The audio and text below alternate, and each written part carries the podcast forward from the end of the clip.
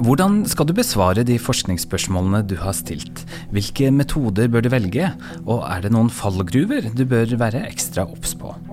Det må vi finne ut av i denne episoden av Gators metode.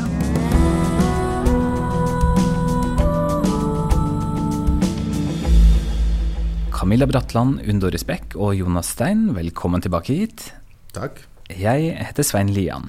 Dere, dere er alle tre bevandra i metodefeltet fra hver deres gren innen samfunnsvitenskapen.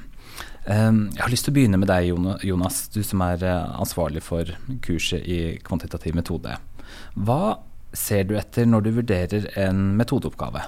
Nei, det viktigste er Det er jo, det er to ting. Det ene er jo om, om man har eh, forstått den vitenskapelige metoden. Har man et godt forskningsspørsmål, som vi har vært inne på, eh, og hvordan eh, har noen hypoteser rundt det, og hvordan besvarer man det, og kan drøfte de, de funnene man, man gjør. og så på den andre sida så er det jo en del teknisk håndverk som må gjøres. Både med operasjonalisering og vise mål, og vise at man kan kjøre de analysene som skal kjøres. Er det noen elementer eller teknikker som du veldig gjerne vil se nå i, i, i her?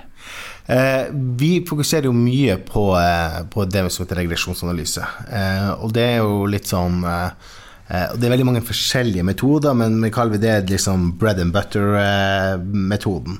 som er veldig god og veldig standard, som man kan bruke, som er utrolig fleksibel, i motsetning til veldig mange andre.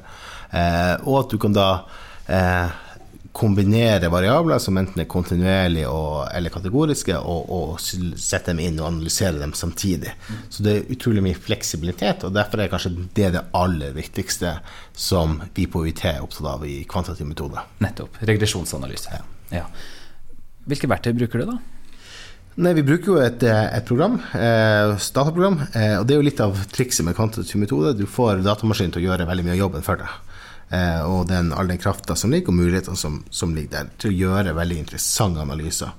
Eh, men hvis du bare gjør si, håndverket, eh, og ikke er opptatt av hva du skal forklare, så, så vil du også feile. på. Eh, vi er, liksom, vi er samfunnsvitere, vi er ikke statistikere. Ikke sant. Riktig. Så begge hold begge tankene i hodet samtidig. Ja. Um, og dere bruker et program som heter R, er det riktig? Ja, vi bruker R. Og hvis du skal beherske det og gjennomføre en regresjonsanalyse, så må du kunne programmere litt? Eller? Ja, du må kunne litt, litt enkelt, vi, vi, kaller det programmering, eller kaller det script, scripting, eller skrive litt enkle koder.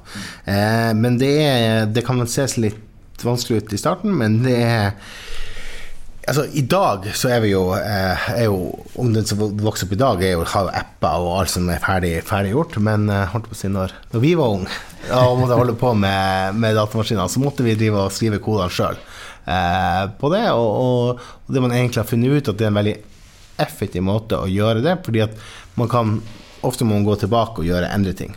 Og det kan være nyttig å klikke rundt omkring på ting, men, men du husker ikke hvis du har klikka 100 ganger, og så vil du gjøre en liten endring i andre linja. Hvordan skal du gjøre det da? Ja, ikke sant. Så, og hele arbeidet ditt er gjennomsiktig sånn sett, da? Ja, hele arbeidet er gjennomsiktig, og du kan sende over, og folk kan se hva som har vært galt, og hva som har vært feil på det. Mm. På det. Men det kan virke litt skummelt eh, å komme i gang med det. Hvor, hva, hva, er ditt tips? Hvordan skal man liksom komme over den, den frykten som noen har da, ved, ved, å, ved, å, gå inn og arbeide med her? Jeg tenker Det aller viktigste er å, å prøve og feile, og gjøre masse feil. Og vi, altså, jeg gjør masse feil. Jeg har holdt holdt på med i masse år og gjør fortsatt feil. Og ting som man ikke, Hvordan var det man gjør det igjen? Og Det er helt naturlig, det er en del av prosessen. Og står du fast, så, så er det heldigvis sånn at da er det bare å google. Og, da er det noen som har stått fast i akkurat det samme problemet, og kanskje har en løsning. Og det er egentlig sånn som forskning er, da, at man bygger på arbeidet til hverandre. Og det er det som er genialt med det, er at det faktisk er lagd av eh, Det er et åpent eh, dataprogram, og det lages pakker og lages ting av folk hele tida som forbedrer prosessen, som gjør det, og gjør det da bedre og bedre på det. Og derfor det blir faktisk det beste programmet, og som brukes av de fremste forskerne, av mediehus, Economist, uh, 538 You name it, alle bruker det. Som er, eller ikke alle, men veldig veldig, veldig mange bruker det. Ja, nettopp. Kan, kan jeg bare spørre et spørsmål? For at eh, nå beveger vi oss jo inn på et felt som er liksom fullt av, av fagterminologi, da. Så, så, bare sånn helt kort, hva, hvordan ville du sagt hva er regresjon? Eh, det er en måte å se sammenheng, vise sammenhenger mellom variabler. Hvordan du eh, forklarer en avhengig variabel, altså det du skal forklare, med flere, en eller flere forskjellige andre variabler, eller parametere eller faktorer, eller kall det hva du vil, på det. Om de påvirker hverandre, eller? Ja, det er matematisk ligning, da, egentlig. I er lik AX pluss B. Nei, A pluss BX. Um, ok, regresjonsanalyse. Er, er, det andre ting som du, som, som du vil se for å få løfta en oppgave ja, ja, altså, jeg, jeg, er veldig glad i, i grafikk. Eh, jeg syns det er en veldig grafer og, og, det. Jeg syns det er en veldig fin måte å altså visualisering av data er veldig ok, både for min egen del. Jeg bruker ofte litt tid på å bli kjent med dataene. og Si, altså, man koser litt med dem, finner ut liksom, hvordan ser de ut, egentlig. Eh, ser noen mønster. Eh, og så kanskje vise det deskriptivt. Hvordan ser de her tingene ut? da? Eh, og allerede der kan du begynne å se masse mønster. Eh, som er egentlig det vi av. Vi av å se mønster. Ja. Men Betyr det at du eksperimenterer med forskjellige modeller for å forstå eh, sammenhenger, eller? Nei, ofte ikke bare kjøre deskriptive funksjoner. Se, lage histogrammer. Eh, gjøre, kjøre min, altså sånn summary-funksjon, som er en veldig nyttig funksjon i R. Så ser du minsteverdi, mesteverdi, eh, mellomverdi på det. Du kan se om det er distribusjon, hvordan ser den ut, ser det greit, rimelig ut, og, og det. Så hvis man følger de rådene dine nå, så kommer man langt opp på B eller A? Eller er det andre ting som du ville hatt med? Det er selvfølgelig alltid mulig å, mulig å løfte til. Du kan må, også kunne se, løfte svakheter. Ofte er det en, en, god ting. Eller forslag til forbedringer. Eh, for alle modeller er jo bare en, et slags eh, måte å karikere virkeligheten på. På en eller annen måte. Eh, det vil jo aldri være helt virkelighet. Sånn vil det være uansett hvilken modell du har. Hva er det å være et menneske? Hvordan ta menneskelige valg? Det jo men, eh, så det er alltid muligheter til, til forbedringer. Og det syns jeg ofte er interessant å se. For det viser hvordan man reflekterer rundt det. Sånn som i det datasettet her. Eh, er det noen fallgruver her som, som man burde være litt obs på? Det er jo det som er fordelen med dette datasettet. At dette er et plaint og renska datasett. Du vil aldri ofte Hvis du skal starte fra scratch, så vil du ofte ikke møte det. Det bruker masse tid på å ordne, ordne dataen på det, eh, men eh, det sparer vi til senere. Ja, nettopp. Ok, så her er det bare å gyve på. Plain sailing.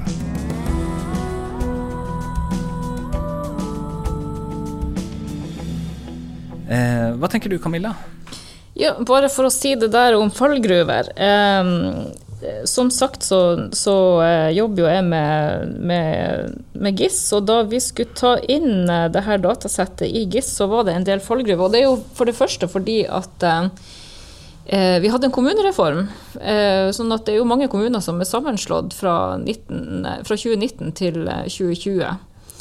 Og da når jeg skulle hente det datasettet over kommuner, norske kommuner fra GeoNorge, så var det faktisk ikke oppdatert. Det var GeoNorge som var problemet? Ja, GeoNorge de hadde faktisk ikke et datasett med 356 kommuner. Når, når var det? I år. I, I, år, ja. Som det skulle være. Jeg fikk datasett med 428. Ja, eller 200 Altså, det var, eh, for, ja, det var mange grunner til det, men i hvert fall så, sånn som eh, Jonas sier, så måtte jeg gå inn og renske det opp. og Eh, liksom for å sikre at vi hadde samme antall N, ikke sant? samme antall kommuner i, i de to ulike datasettene. Da. Sånn at det er Du tror kanskje at, at myndighetene har oppdatert data, men det er faktisk ikke bestandig at de har det. Nei, og det, og det er jo en ting som, som er litt ta med sånn her databiten, at eh, Kommunereformen er veldig kjempeinteressant for oss forskere å se på effekter, men uh, sånn for statistikere som er opptatt av enheter, så er det slitsomt, fordi at plutselig man endrer alle enhetene. Og Derfor har vi valgt å gjøre det med den nye kommunestrukturen. Ja, så, så hvis du da skal gå tilbake i tid, eh, så vil det vært litt vanskelig, faktisk. For da har du plutselig mange flere kommuner. Oh ja. Og hvis du skal sammenligne utviklinga over tid? Ja, da, da, blir det Det fins nøkler for hvordan man kan uh, gjøre det, men det får vi ta i et uh, avansert kurs. De er ikke klare ennå. Det er ikke klart. Nei, riktig. ok, så det, og det her er vel et eksempel på det man møter ute i virkelighetens verden, sånn sett. Et sånt behov for å rense, uh, rense data før man, før man analyserer det. Mm. Um, Camilla, hva, hva, ville du sett, uh, du som er en guru på GIS? Altså, altså i en besvarelse? Eh, jo, altså jeg liker jo å se rommelige sammenhenger nettopp fordi at jeg føler at jeg liksom da kan si at ja, men her er ting i virkeligheten. Og det er jo nettopp det som kanskje er litt sånn trikset med GIS og, og med det å lage kart, at man får et inntrykk av at kartet representerer virkeligheten. Du ser på et kart, og så tenker du at ja, sånn er verden. ikke sant? Fordi at vi i den vestlige kulturen er veldig vant til å lese kart på den måten. da. Eh, men når det gjelder sant, statistikk, eh, grafer, eh, sånn som Jonas sier, så er det mye enklere å, liksom være kritisk og, og, tenke at ja, men representerer det her egentlig sånn som ting virkelig er, da? Så det er derfor jeg liksom har en hang til å bruke GIS, fordi at det liksom enklere kan se den koblinga mellom, mellom virkeligheten og, og tallene.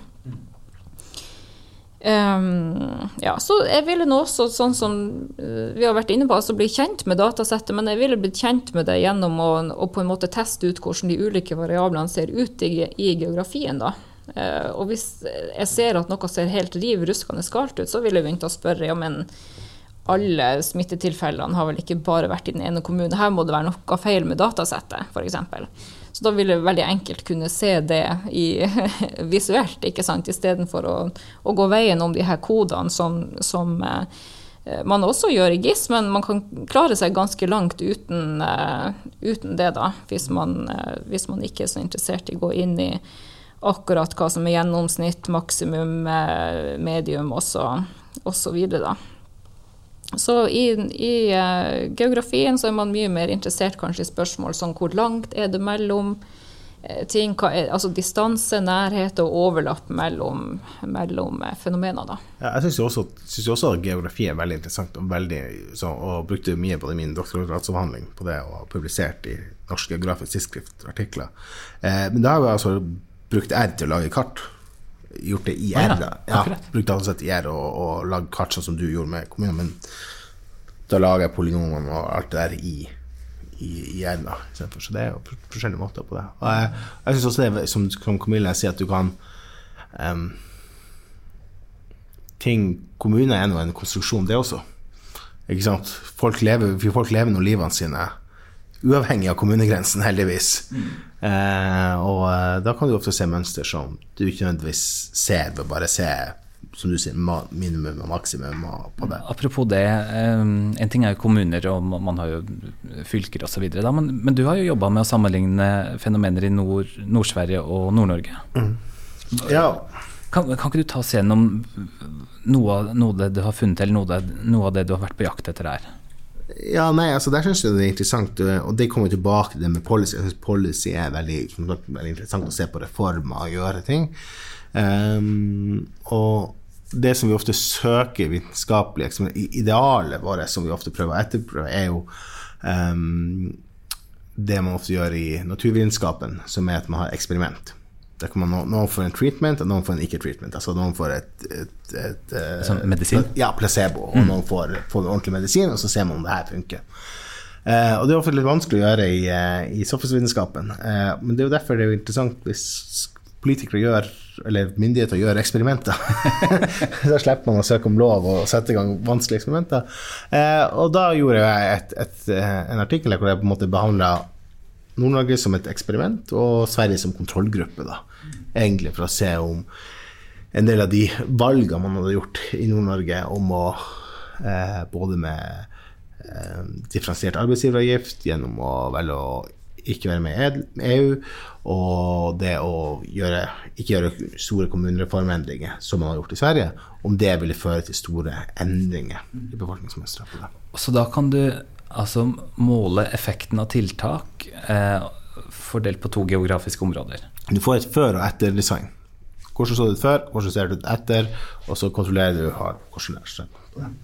Og det er jo, det er jo et ideal sånn, om, om, det vi kaller for causal inference, eller kausal inferens. Men det kan vi spare litt til til masse, masse nivå. Ja, riktig. Så ikke, ikke bli skremt av akkurat det her. Mm. Um, Ok, nå har det vært litt innom verktøyene og noen av, av, målene. Men det har jo også en viktig teoretisk dimensjon, Doris. Hva, hva, hva tenker du der? Ja, Altså, jeg er jo helt på Altså, det er jo sånn som både Camilla og Jonas snakker om nå, at altså det å du kaller det for kose med dataen. Jeg sier jo da massere dataen. jeg vet ikke hva som er Men altså finne ut hva som fungerer. Og, altså, det er ikke sånn at det er en sånn eh, Altså jobbe med verken kvalitative eller kvantitative data. At det er noe sånn rett fram-prosess, liksom. Altså du, du, går utrolig mange looper, og du må fram og tilbake med datasett og se hva som Altså hva, hva, som fungerer, rett og slett. Hvordan du får de tydeligste resultatene, f.eks. Men, men hvor, um, hvordan beveger du deg der? Nei, altså jeg har jobba mye med, med spørreskjemadata.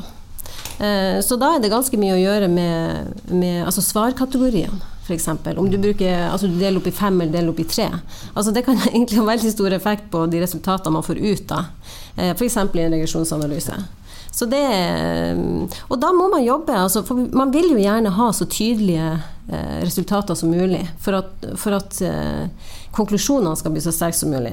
Så da den der eh, prosessen med å massere de her dataene, da, massere variablene og, og prøve ut ulike måter å, å, og bruke dem på, er en veldig viktig del av den prosessen. Mm.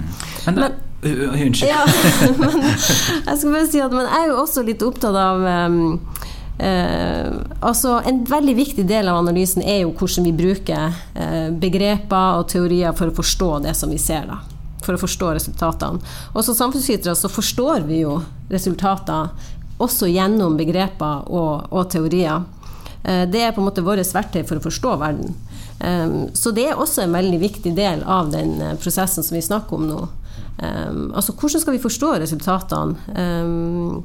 Og da bruker vi jo kunnskap som vi har med oss. altså vår substansielle kunnskap om det feltet som vi, som vi er inne på. Eh, og i forhold til det her med covid, så har jeg jo tenkt litt på Um, altså Det kan være interessant for å prøve å typologisere kommuner med utgangspunkt i en sånn uh, Og da har jeg tenkt på det her med, for med sårbarhet for covid. Altså vi, Er det mulig å typologisere enkelte kommuner som er mer sårbare enn andre langs en del sånne dimensjoner? Altså Det kan være sårbarhet i forhold til befolkninga i kommunene.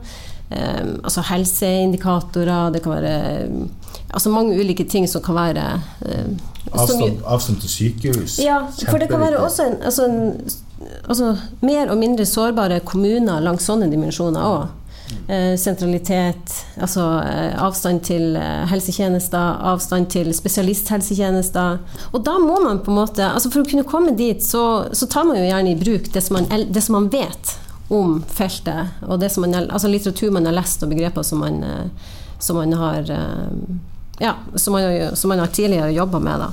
Så det, altså for meg så er det en veldig spennende del av analysen. For at alle, alle analyser, altså kvantitative analyser, har klar et klart kvalitativt element i seg.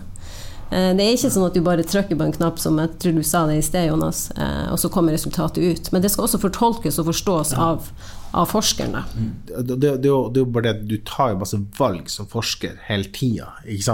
Bare en sånn enkel ting som at f.eks. demokrati, som er et begrep altså Hvordan velger du å definere et demokrati? ikke sant?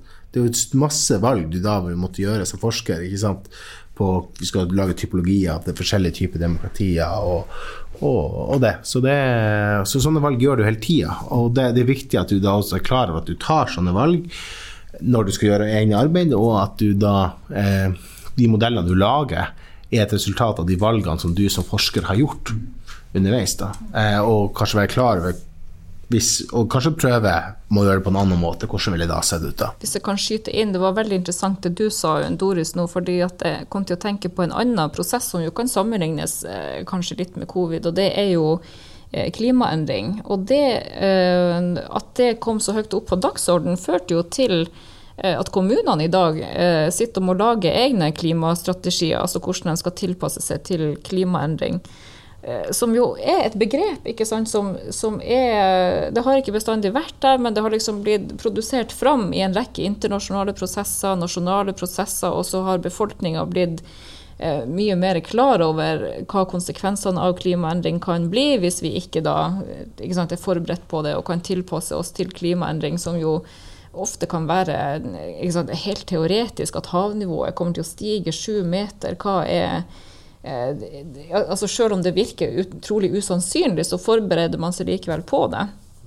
og, og eh, likedan, kanskje kan man tenke at er det Eller kan man tenke at kommunene etter denne pandemi, eh, pandemien kan måtte lage sånne eh, planer da, for hvordan tilpasse seg til lignende kriser i framtida? Og da er vi jo inne på akkurat de spørsmålene som dere stiller nå. At er det Alle kommuner er jo ikke like, og alle regioner er ikke like.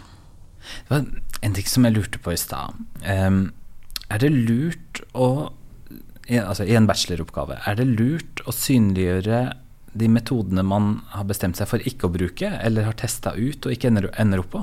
Jeg tror det er lurt å presentere noe på hva du har gjort, og ta valgene, og så kan du legge en appendix etterpå og si at her har jeg gjort noen tester for, på det. Det da, da begynner du å nærme deg A på det. Ja. Men, men, du har ikke lyst til å altså, Når du skal lese som leser, så har du ikke lyst til å ha 50 forskjellige modeller som viser omtrent akkurat det samme. Det er ikke så interessant å se. Nei, nettopp. Bra. Da, da står jeg litt bedre rusta. Um, dere, hvordan, hvordan ville dere besvart de forskningsspørsmålene som, eh, som vi snakka om i forrige episode. Dere har vært litt innom det, men, men hvordan vil dere gå til verks for å, for å, eh, for å angripe de spørsmålene som, som, dere har stilt? Ut fra datasettet her.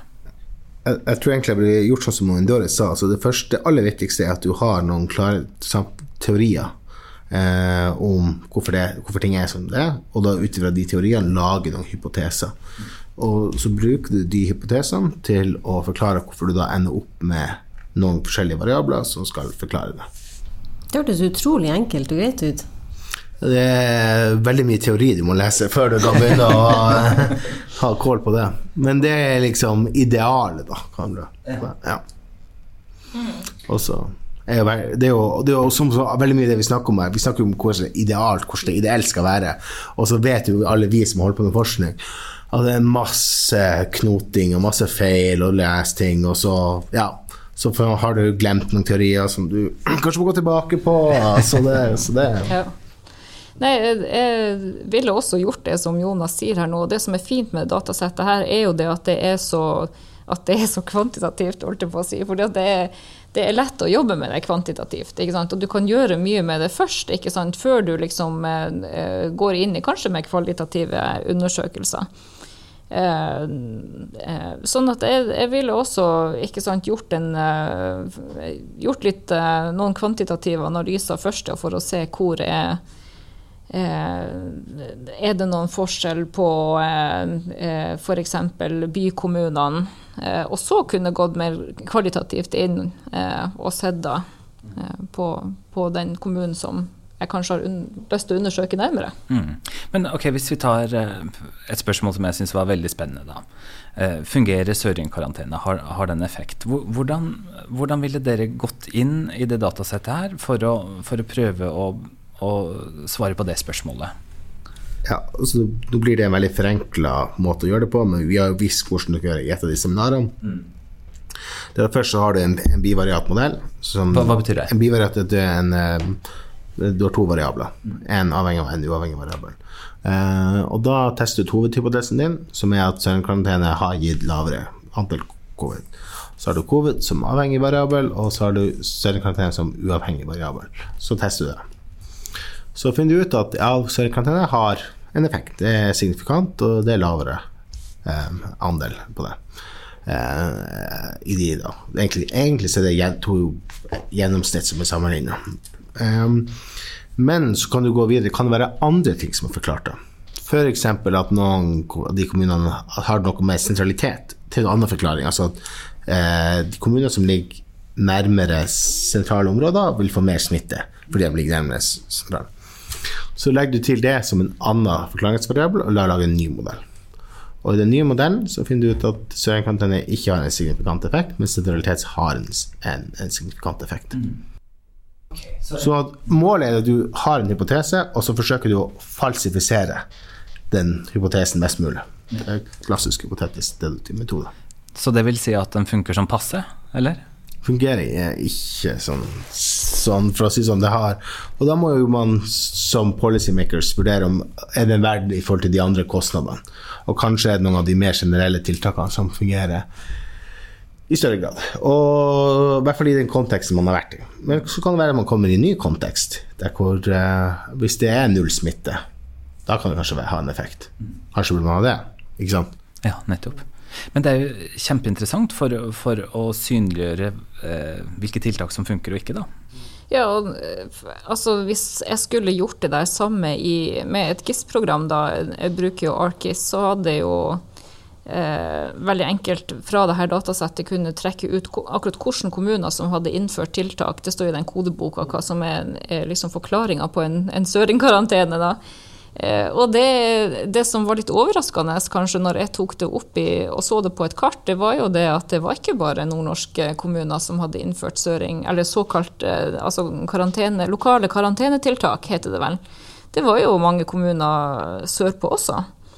Eh, liksom Og det er jo det første, at det slår jo kanskje litt hull i denne forestillinga om at det bare var nordnorske kommuner som, som, eh, innførte tiltak. Og da kan man jo gå inn i, med en gang inn i en diskusjon om ja, hva ligger i begrepet søringkarantene, og så kanskje gå eh, ikke sant, lenger inn i en diskusjon om ja, men hva legger man egentlig i i begrepet søring. Eh, ja, hva betyr det? Men da er jeg langt inn i en kvalitativ oppgave. så hvis jeg skulle gjort det kvantitativt, så, så er det jo eh, ville jeg valgt ut den variabelen eh, der, ja. Altså trekke det ut fra datasettet. Eh, akkurat den eh, variabelen og visualisert det. Og så trekke ut eh, andre variabler for å kunne sammenligne overlappen mellom de kommunene. Da, og kunne se antallet eh, f.eks. tilfeller inne i de kommunene som, som hadde eh, karantenetiltak, og de kommunene som ikke hadde det. Det en utrolig interessant prosess, det her med å, med å falsifisere en hypotese. da. Ja, det er jo Siden Karl Popper har snakket om det, så, så er det cornerstone of modern science.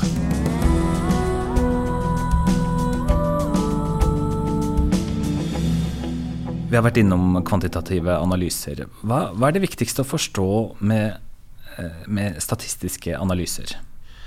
Det er vel at uh, statistikk er noe eh, det et, det er, et, verktøy som prøver på en eller annen måte å si noe om, om det man forsøker å studere, eller verden eller samfunnet, eller i, det, i vårt tilfelle.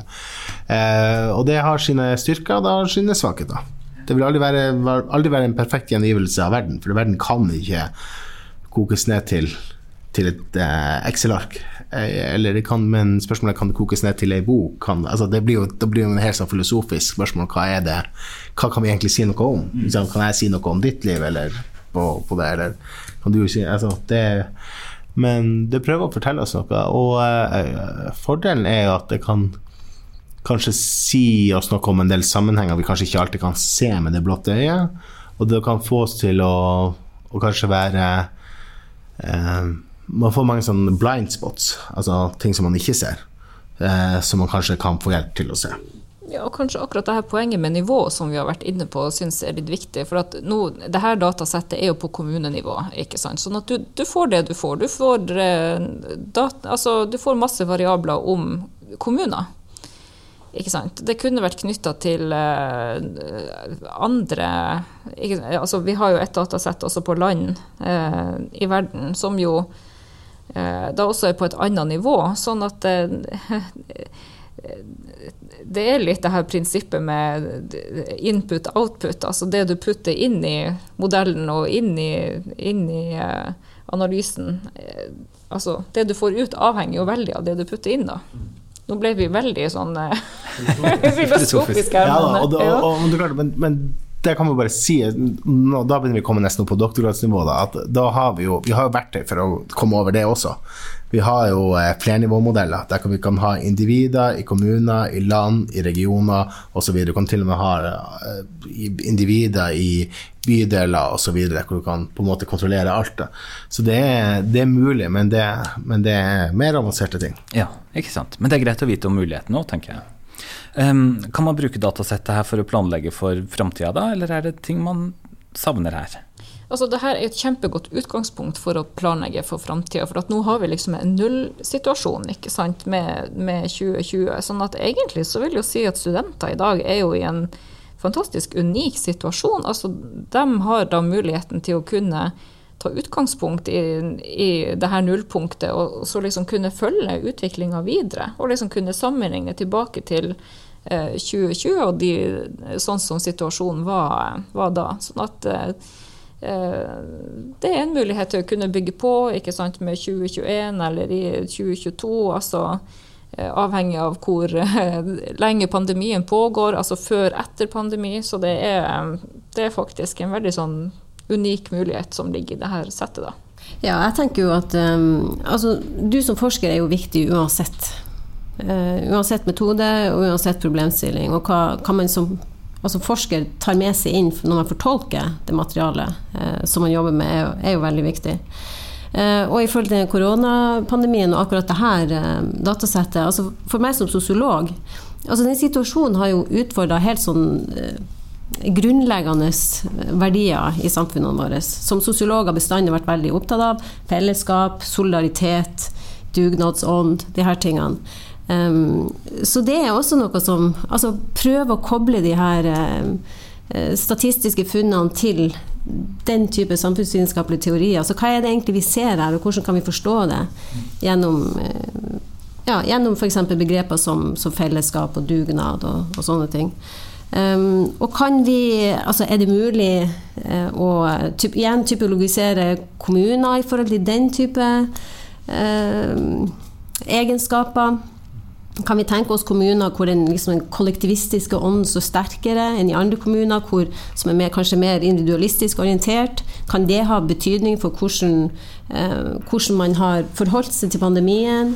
Altså, det er utrolig mye interessant som ligger eh, i det datasettet. Det høres kjempespennende ut. Hvordan skulle man komme dit? Der trenger du andre kilder? Um, akkurat for å typologisere kommuner i forhold til la oss si, altså, kollektive versus mer sånn individualistiske um, holdninger, så vil jeg tro at man, man, kan komme ganske langt med denne type datasett. Altså, det, kan, det, kan, jo handle om mange ting. Det kan handle om altså, eh, politikk i kommunene, politiske lederskap i kommunene.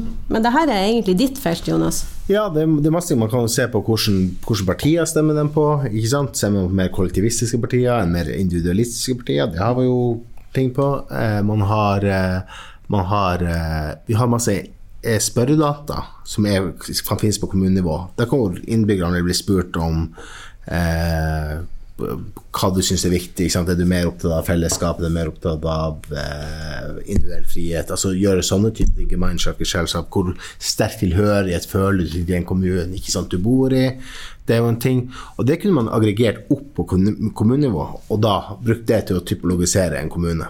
Så det er kjempeinteressant eh, ting å gjøre. Ja, ja eller sånn som samfunnsplanlegger da, så ville jeg nå kanskje også vært opptatt av hvor flinke er kommunene til å drive planprosesser. Og til det trenger de kompetanse. Eh, fordi at alle kommuner trenger eh, de har krav på seg til å ha eh, eh et plangrunnlag eh, og ha planer. Og det er ikke alle kommuner som har eh, samme kapasitet til å gjøre det. Men de kommunene som får det til, og det er jo ofte store bykommuner. De eh, klarer å, å, også kanskje å ha eh, ikke bestandig, men, men, ja, det kan jo kanskje være et spørsmål. Klarer de i større grad å skape den type samhold og liksom fellesskap og liksom eh, drive samfunnet som kommuner som da ikke har den samme kapasiteten? Bare det i seg sjøl er jo et forskningsspørsmål i seg sjøl. Ja. Er, er, det stor forskjell på, på kommuner, hvordan man har tilhørighet til en kommune? Hva vi gjør. Og det er jo åpenbart en ting man kunne gjøre kjempegode undersøkelser kan gjøre. Ja. Både på individnivå og på kommunenivå. Ja. Og nå er jo datasettet utforma på en måte at man kan legge til egne parametere. Um, vil dere oppfordre eh, studentene til å gjøre det? Hvis, hvis, man trenger, hvis det er en parametertyp, det som Camilla nevner nå, for å, for å kunne gå til verks da, for en oppgave man syns er interessant? Eller blir det for komplisert? Nei, altså sånn En parameter som f.eks. har kommunen en, en, strategi for folkehelse, eh, det tror jeg faktisk det ligger Man kan finne, men da må man jo sånn som Øystein kanskje eh, har gjort, bruk en sommer på å gå gjennom alle ikke sant, Å telle og legge inn, har kommunen en plan for en folkehelsestrategi f.eks.? Ja, nei. Men, ja da, men det, men, det, men det, er masse ferdig data. Det er jo det som er ideen med å helt gjøre med, med kommunen, en sånn vanlig struktur som kommune er. Det er masse ferdige data som man bare kan laste ned. To klikk fra, fra SSB eller fra kommunedatabasen. Og så kan man bruke et funksjon som heter merge, og bruke kommunenummer. Og så, så har man det sammen. Det er ikke det er ikke veldig vanskelig å legge til uh, data, men uh, da er man avhengig av at man treffer på 356 og 356 kommuner. Uh, så derfor er det veldig greit å bruke det fra SSB og kommunedatabasen, som har ferdige, ferdig gode CSV-filer. Ja, ikke gjør det vanskeligere enn det trenger å være. Da er du kanskje over på et master- eller doktorgradsprosjekt. Ja, ikke sant. Men en spennende mulighet sånn sett, da. Kjempespennende. Camilla Bratland, Undoris Bekk og Jonas Stein, tusen takk for at dere var med i Gators metode.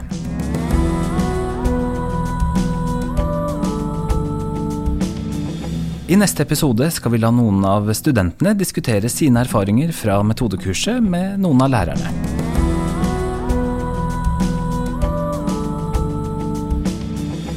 Gaters metode er produsert for Institutt for samfunnsvitenskap ved Universitetet i Tromsø, Norges arktiske universitet, av Prosit Production i samarbeid med 1-til-1 Media. Prosjektleder er førsteamanuensis Camilla Bratland, produsent er Espen Holm, og Svein Harald Lian står for research og programledelse.